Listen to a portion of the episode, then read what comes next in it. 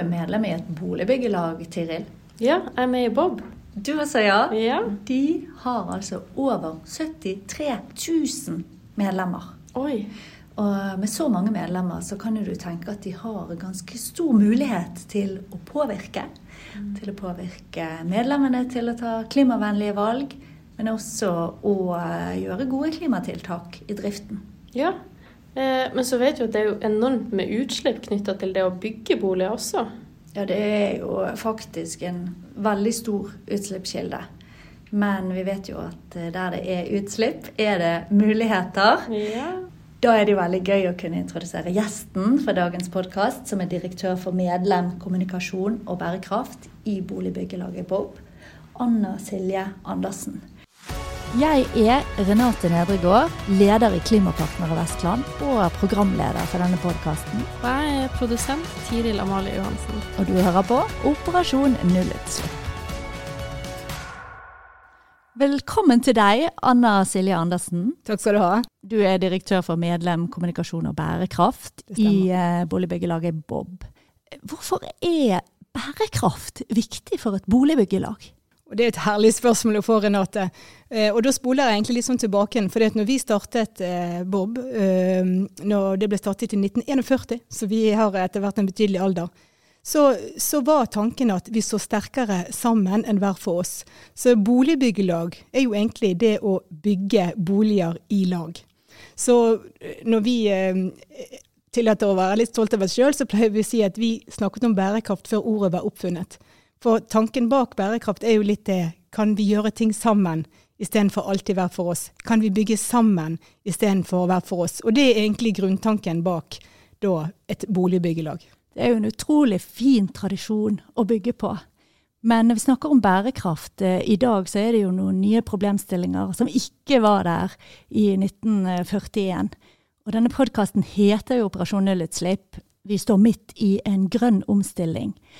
Så hvordan kan boligbyggelagene bidra til et nullutslippssamfunn? Ser du for deg en rolle som dere kan ha der? Hvis jeg får lov, så går jeg likevel et lite skritt tilbake, Renate, i forhold til at eh, klima i bærekraftsdebatten eh, er veldig viktig. Men vi som boligbyggelag eh, vil gjerne ivareta klima. Altså hvordan kan vi bli bevisst på å redusere vårt klimafotavtrykk. Men bærekraft for oss har jo, som jeg da nevnte innledningsvis, flere enn da klimadimensjonen. Vi ønsker også å ta med den sosiale dimensjonen og den økonomiske dimensjonen, og få et samspill der. Men det er ikke tvil om, som du sier, at fokuset på klima og hvilken rolle vår virksomhet spiller i forhold til klimautslipp, har kommet veldig mye høyere opp på agendaen eh, de siste årene. Men hele veien eh, drive lønnsomt, eh, langsiktig verdiskapning, ta inn det sosiale perspektivet, men også være bevisst på at vi også skal bidra med å redusere klimautslippene. Så målet vi satte oss, det må vi jo når vi er en del av Klimapartner Vestland. Og vi har sagt at vi ønsker å være utslippsfri på Skop 1 og 2 i 2030. Det er slett ikke verst. Og slett ikke enkelt. Og slett ikke enkelt. Men eh, fullt i tråd med det som vi eh, prøver å eh, påvirke våre klimapartnere til. Og i dette arbeidet, hvordan jobber dere? for å nå dette målet? Eh, igjen et stort spørsmål som du stiller. Jeg, jeg, tror Hvis vi på en måte eh, bare bruker litt tid på det fordi at eh, Jeg tror eh, Jeg har jo vært nå i Bob i, i litt mer enn tre år.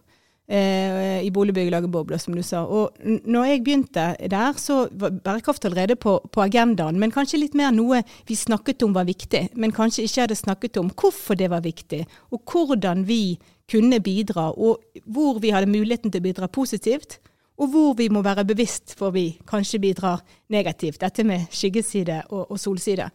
Og noe av det første vi eh, valgte å gjøre, da, eh, for jeg fikk jo da eh, konsernansvaret for bærekraft i Bob, selv om jeg er den første til å si det er ikke én person i en bedrift som kan ansvarlig for bærekraft. Du har ikke en sjanse, med mindre alle føler ansvar og bidrar. Men det er kanskje én som må ta hovedansvaret for å være pådriver. Litt grann tante Sofie av og til. Og også måtte stake ut retning sammen med, med sjefen. Og, og, min sjef er jo Harald Skjeldrup, som også har satt bærekraft veldig høyt på agendaen. Eh, og det han har sagt veldig tydelig, det er at først må vi forstå, eh, bygge kunnskap. Vi må sette oss mål.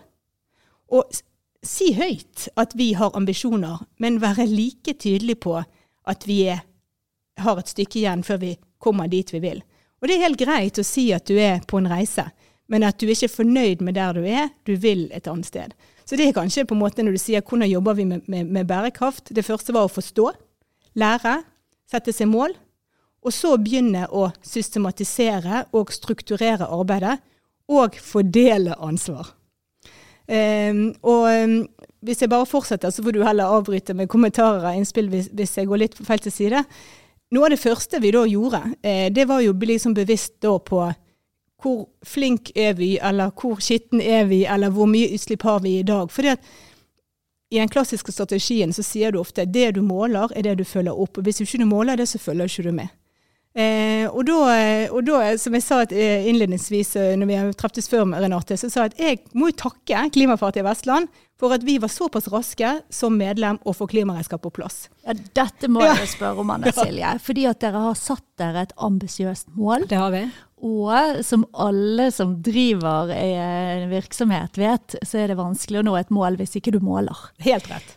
Så hvordan har dere jobbet med rapportering av bærekraft? Det første var rett og slett bare å bestemme oss for at vi ville rapportere. Eh, og når vi eh, ble medlem da, det var vel i 2019, tror jeg, sommer 2019. Klimapartner, ja. klimapartner, medlem i Klimapartner. Da het det vel faktisk Hordaland, mens det ble Vestland. Eh, for det, vi opplevde at det var et interessant eh, sted å være, med interessante partnere, og, og noen som hadde satt bærekraft eh, på agendaen, eller klima spesielt. Vi hadde ikke lest den lille skriften, da, og der sto det for å være med i Klimapartner, så må du levere klimaregnskap, og du må starte en sertifiseringsprosess. Eh, så det var litt Oi sann! Eh, eh, så da fikk vi det lille ekstra puffet da, til å begynne med klimaregnskap. Og ikke bare det, vi, vi, fant også gjennom nettverket personer som kunne hjelpe oss med det. Mm. For det er ikke enkelt å begynne fra null og prøve å se hvordan gjør vi dette.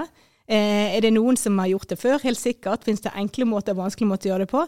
Eh, så vi satt rett og slett bare i gang, da, med, med litt hjelp fra siden. Eh, da, da, fikk vi hjelp fra, fra, fra Emisoft, da, fra, som da var vel partner også.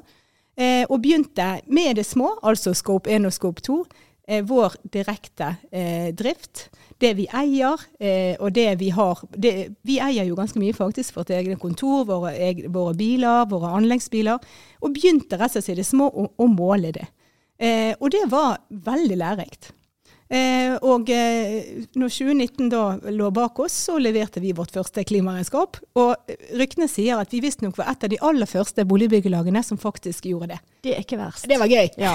Og dette er jo en gladsak. Ja. Jeg, jeg blir jo helt varm i hjertet. Du vet hvor viktig klimaregnskapet er for oss i Klimapartnere. Men det du sier er at det var en terskel å gå løs på det, men at dere har hatt nytte nytte av det som verktøy, stemmer det? Ja, fordi at eh, når du begynner eh, å måle, da, eh, så må du først Hva er det du skal måle, og hva er det faktisk som hører inn her, og hva er det som påvirker? Og da gjorde vi oss noen interessante eh, refleksjoner, ting som vi ikke var klar over. F.eks. at, at eh, på noen av våre eh, lokasjoner så hadde vi ikke fornybar strøm. det visste vi, vi, altså, vi visste, eller vi hadde ikke tenkt over det, sant? så da fikk vi ordnet det. Eh, vi ble også litt mer bevisst på bilparken vår. Og fikk lagt den eh, på de bilene vi eier sjøl. For vi, vi eh, driver jo virksomhet som byggdriftere og driver med vedlikehold og rehabilitering. Og da er det noe med, med når vi, de bilene vi bruker sjøl, er, er, er, det elbiler? Eh, fikk vi en oversikt over det og lagt en plan for det. Eh, så det var på en måte små ting. Eh, vi har snøfresere, vi har eh, gressklippere. Og vi liksom, fikk en god oversikt. over hm, nei, det hadde ikke vi tenkt, og tenkt over. Her må vi legge en plan. Så da har dere rett og slett lykkes i å kutte konkrete utslipp bare ved å kartlegge? Ja, punkt én, bli bevisst. Punkt to, begynne å kutte. Mm. Eh, og så kommer jo dilemmaet, som, som, vi snakket om litt tidligere i dag. det at Eh, og det er det også private personer som har en bil, eller andre bedrifter. sånn at hvis du har en bil som eh, fremdeles har mye driftstid igjen i seg, eller en gressklipper eller lignende, når skal du skifte den ut økonomisk, og når skal du skifte den ut i forhold til klimautslipp? Og så finne den gode balansen der. Sant? For det er jo viktig å si. Det er viktig. At det er ikke nødvendigvis klimavennlig å kutte så fort som mulig. Nei, men bevisstheten. Og, og, kanskje det er det som, som, har vært mest nyttig for oss i Bob, det er at klimaregnskapet har gjort oss bevisst. Eh, så da, eh, eh, da først på, på da 1 og 2. Eh, og vi har jo redusert eh, med eh, faktisk en tredjedel fra 2019 til, til i, da, når vi har kjørt i tre år, da 2019, 2020 og 2021. Eh, og vi tror det er mulig å komme til null, men da er det disse eh, driv, altså kjøretøyene våre som vi etter hvert Så vi nå skifter ut med mer eh, klimavennlige versjoner etter hvert som vi skifter de ut. Men så er det jo det med klimaregnskap, og det var dette Scope 3. Jeg vet ikke om du har lyst til å snakke litt om Scope 3? Vi kommer ikke ja. unna Scope 3, Silje. Og da skal jeg bare ta en sånn uh, kjapp uh, gjennomgang. Scope 1 er jo de direkte utslippene som dere er ansvarlig for. Scope 2 handler om utslipp fra energi, elektrisitet. Og Scope 3 er alle de indirekte utslippene som vi er indirekte ansvarlig for. Og det ser jo ulikt ut hos ulike virksomheter. Og eh, hva fant dere når dere begynte å se på denne store, skumle sekkeposten skal 3? Det er litt morsomt når du sier store, skumle, for det, er, kan være litt overveldende å også forstå hva er Scope 3. Så da begynte vi jo med det enkleste, sant? som det som alle snakker om, flyreiser. Sant? Eh, og avfall og papir og de lignende ting der. Eh, så fikk vi litt oversikt over det. Da fikk vi jo litt hjelp av korona, litt mindre fly, fly, eh, fly, altså flyreiser, og fikk anledning til å få en litt mer bevisst eh, reisepolicy. Men vårt største klimautslipp i Scope 3 er jo selvfølgelig boligbygging. Mm. Eh, for vi er et boligbyggelag, altså vi er en utbygger. Eh, og vi bygger jo for våre medlemmer. Vårt formål er jo å skaffe til veie boliger for våre medlemmer. Og de fleste av de, de bygger vi, eh, og så selger vi de. Og det blir Scope 3 fordi at vi, vi bygger de, og, og, og, da noen andre overtar. Og dette er en liksom god historie, da, for når vi da begynte med vesentlighetsanalysen i klimaregnskap for å se utslippene, så var vi jo litt stolt av oss sjøl at vi hadde liksom kjørt eh, Scope 1 og Skop 2 i, i, i, i, to år. Og når vi fikk tallene og regnet litt på boligbyggingen, så viste det seg at det vi hadde kontroll på, var, hold det fast, 1,7% av totalen, altså estimerte totale utslipp. Ja. Altså, man sier gjerne at utgjør 80% for oss utgjør det faktisk 98 skal opptre. Og det sier jo litt sier om hvor den store påvirkningen ligger. Samtidig mm. så er det du forteller, er oppskriften på å begynne med seg selv, ikke sant? Stemmer. Og det du direkte kan gjøre noe med. Men da, som Vestlandets største boligbyggelag, og som den byggherren dere da er for alle prosjektene deres. Har dere funnet ut om dere kan ha noen innflytelse da på disse indirekte utslippene gjennom, som eh, forårsakes av eh, byggeprosjektene deres?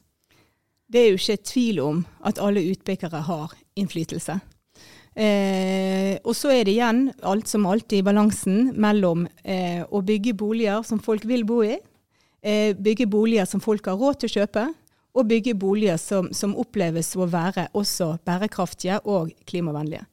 Eh, hvordan vi kan påvirke, det er jo gjennom vår innkjøpsmakt. Eh, for det at vi eh, kjøper jo eh, totalentrepriser, eh, og setter da krav til våre samarbeidspartnere og leverandører. Og jeg tror det er et veldig egentlig, viktig ting som, som sjefen min Harald Schjelderup og også utbyggingssjef Lars Pedersen er veldig opptatt av. Det er at eh, bærekraftsmål nummer 17 er jo samarbeid. Og vi, det er jo så viktig for oss klimapartnere. Ja, det er det. Eh, fordi at um, vi tror uh, at, vi, at det ligger veldig mye i å jobbe sammen, da. Istedenfor bare vi vil ha det, det, det, det, det. Vi skal også gjøre det. Men hvordan kan vi få til dette sammen? For en del av tingene er, det er nybrottsarbeid. Eh, og, og, det betyr jo at vi, eh, Bob, da, da med Lars Pedersen eh, i spissen, deltar i en del prosjekter for å teste ut nye ting. Som f.eks. utslippsfrie byggeplasser er fundet av Enova sammen med bl.a. Eveny for å se er det mulig å redusere utslippene i, på byggeplassen når du bygger. Eh, vi, og det er jo ikke bare bare, for det at sikkerhet må jo balanseres i forhold til dette med klima. Vi må ha kraner vi stoler på, og, og, og, maskiner vi stoler på. Samtidig skal vi se om kan disse også kjøres på batteri. Så, der har dere jo fått til noe? Ja, så der er vi med i det, det, prosjektet der. Men nettopp det å, å gå i dialog med sette krav til leverandørene, men også gå i dialog med leverandørene. Hva kan vi få til sammen? Vi vil, kan vi teste ut dette sammen? sant? Eh, men så er vi jo igjen tilbake igjen til, til dette med, som vi sa, eh, bygge boliger som folk har råd til å bo i. Eh, og der er jo igjen dette dilemmaet som, som eh, Vi ser jo at veldig mange ønsker å, å leve og bo bærekraftig. Eh, men har, eh, har, jeg råd til det hvis det koster mer? Eh, og i fjor, i forbindelse med Arendalsuken i fjor, så la Responsanalyse, et, et, et analysebyrå, ut en rapport som sa at mindre enn 20 av boligkjøperne var villige til å betale mer var, for at det var bærekraftig. Eh, kanskje spesielt fordi at det er dyrt nok allerede å kjøpe bolig. Mm, og vet du hva, eh, Anna Silje, jeg tror vi skal eh, Her kan vi jo trekke inn en av de som vi kanskje snakker om. For vi har jo med oss eh, Tiril, som er produsent i denne podkasten. Tiril, du er jo ung. Du er Bob-medlem, og i mhm. etableringsfasen. Stemmer dette som Anna Silje sier? Er, det, er du villig til å betale ekstra for en bærekraftig bolig? Ja, altså Det å komme seg inn på boligmarkedet er jo vanskelig nok og dyrt nok i seg sjøl. Så i utgangspunktet så er jeg jo ikke villig til å betale ekstra for at det skal være mer bærekraftig. Eh, så bærekraft står jo på en måte ikke øverst på lista når jeg skal kjøpe min første bolig. Så da lurer jeg jo litt på hvordan eh, dere som et boligbyggelag kan være med på å gjøre det mer bærekraftig å bo når man er først har kjøpt en bolig. Vi har jo begynt å tenke på også hvordan bygge mer bærekraftig, og hvordan legge til rette for å leve mer bærekraftig. For selv om det er helt riktig som du sier, og, og, vi forstår jo det. Alle som bygger mm. boliger forstår jo det at det å kjøpe sin første bolig i seg selv en enorm mobilisering, og at du bare er glad for at du kommer inn på markedet, og bare, det er det viktigste. Og da kommer alt annet litt lenger ned på listen. Ja. Samtidig så må jo vi jobbe for eh, altså Målet må jo være at i fremtiden så skal det ikke være dyrere med bærekraftige løsninger enn ikke så bærekraftige løsninger. Og noen steder så ser vi jo det. Men, men eh, det som gjerne Vi har jo før snakket om denne løsningsbanken til Klimapartner Vestland.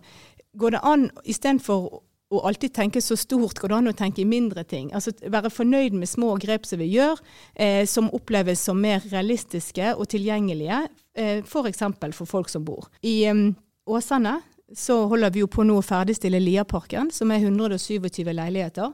Eh, veldig spennende prosjekt som er rett ved siden av Liavannet. Lia hvor man har da sammen med de som skal flytte inn, eh, tett dialog, altså brukerdialog, spurt de eh, er det ting dere ønsker å dele.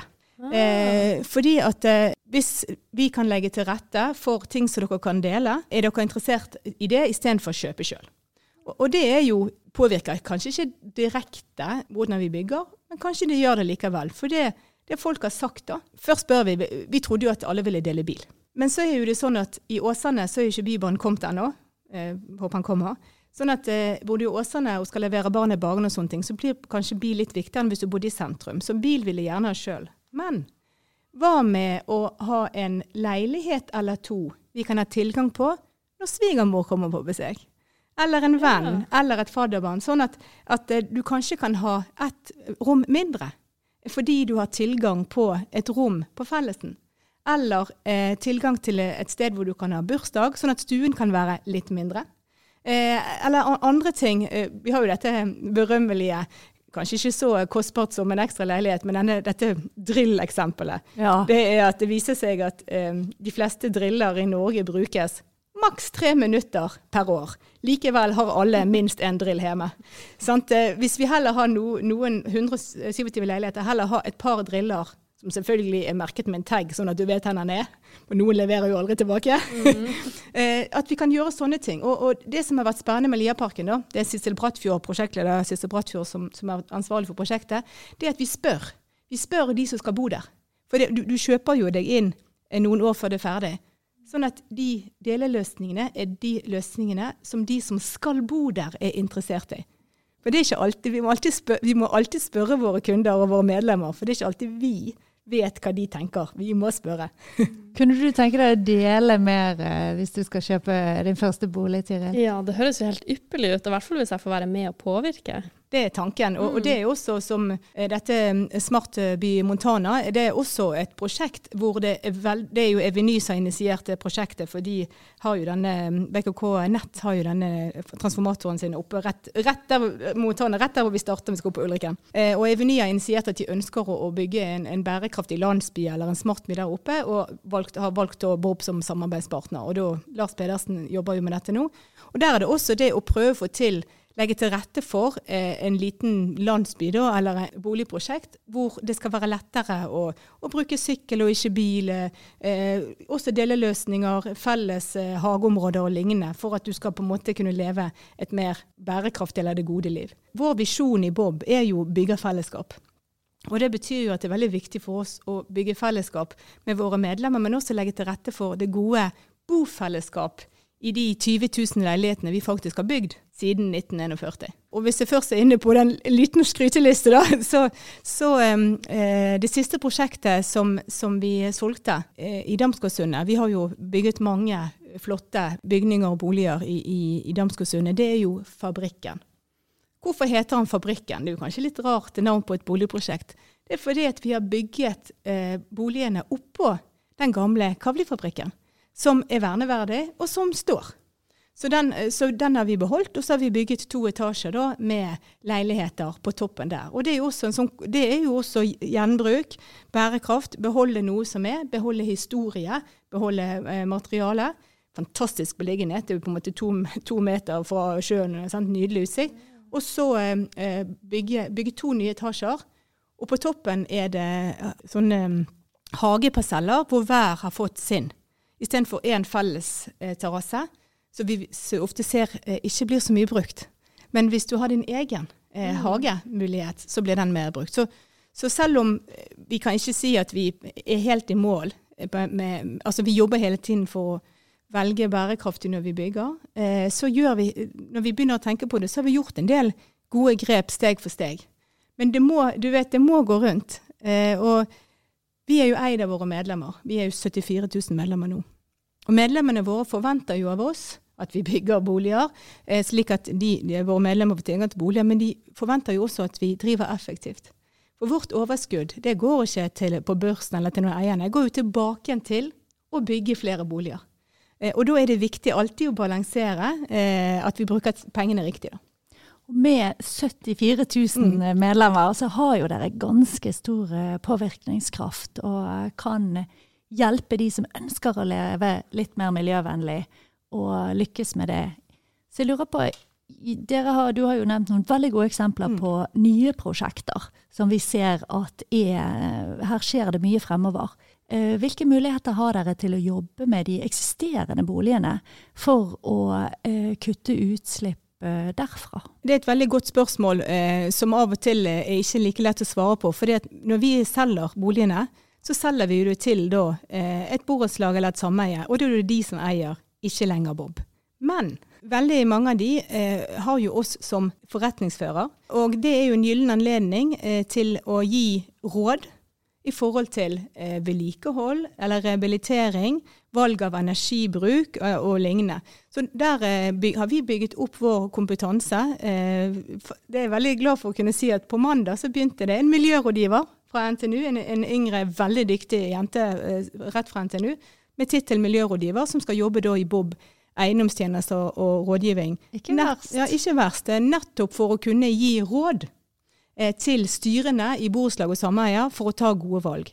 Men vi kan gi råd, vi kan tilrettelegge, men det er jo de som bestemmer. Men det, hvis vi evner å f.eks. kunne regne hjem, eller vise eller forklare, og ha den kompetansen eh, som de etterlyser, så kan vi eh, være med og påvirke ting i rett retning. Det er jo en veldig viktig rolle dere har. Og du har jo fremhevet dette hvor viktig det er med samarbeid. Det stemmer. Eh, og dere i eh, boligbyggelaget Bob, mm. eh, dere har tatt en posisjon, og valgt å ta en posisjon som aktiv pådriver i bærekraftsarbeidet.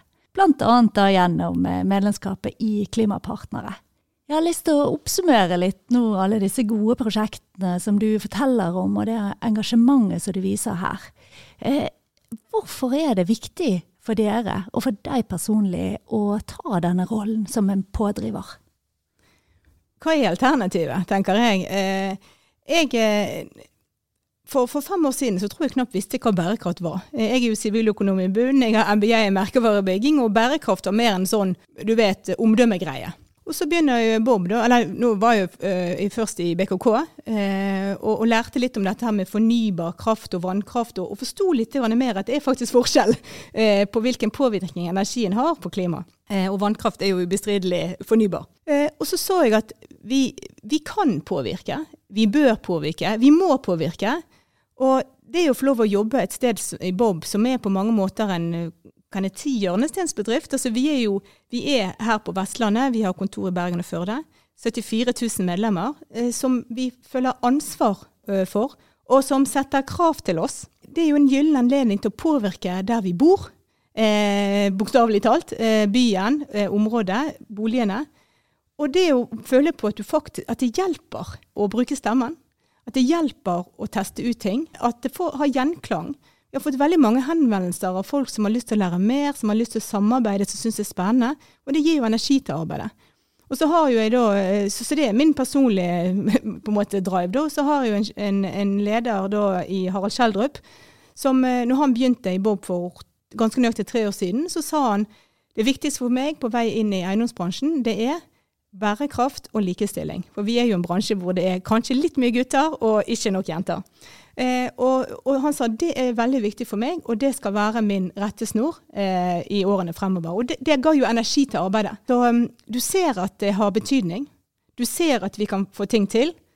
Av og til kunne vi kanskje ønske det enda fortere. Men, men eh, når du ser bakover og begynner å ramse opp eh, noe av reisen vår, for vi er jo fremdeles på en reise. Eh, vi er ikke utslippsfri, og, og, vi har mye å, å lære igjen på, på Skop 3. Men det er mye å være stolt av også. Og det, det gir energi, og det, det, er gøy å oppleve. Det er vel det som heter meningsfull jobb.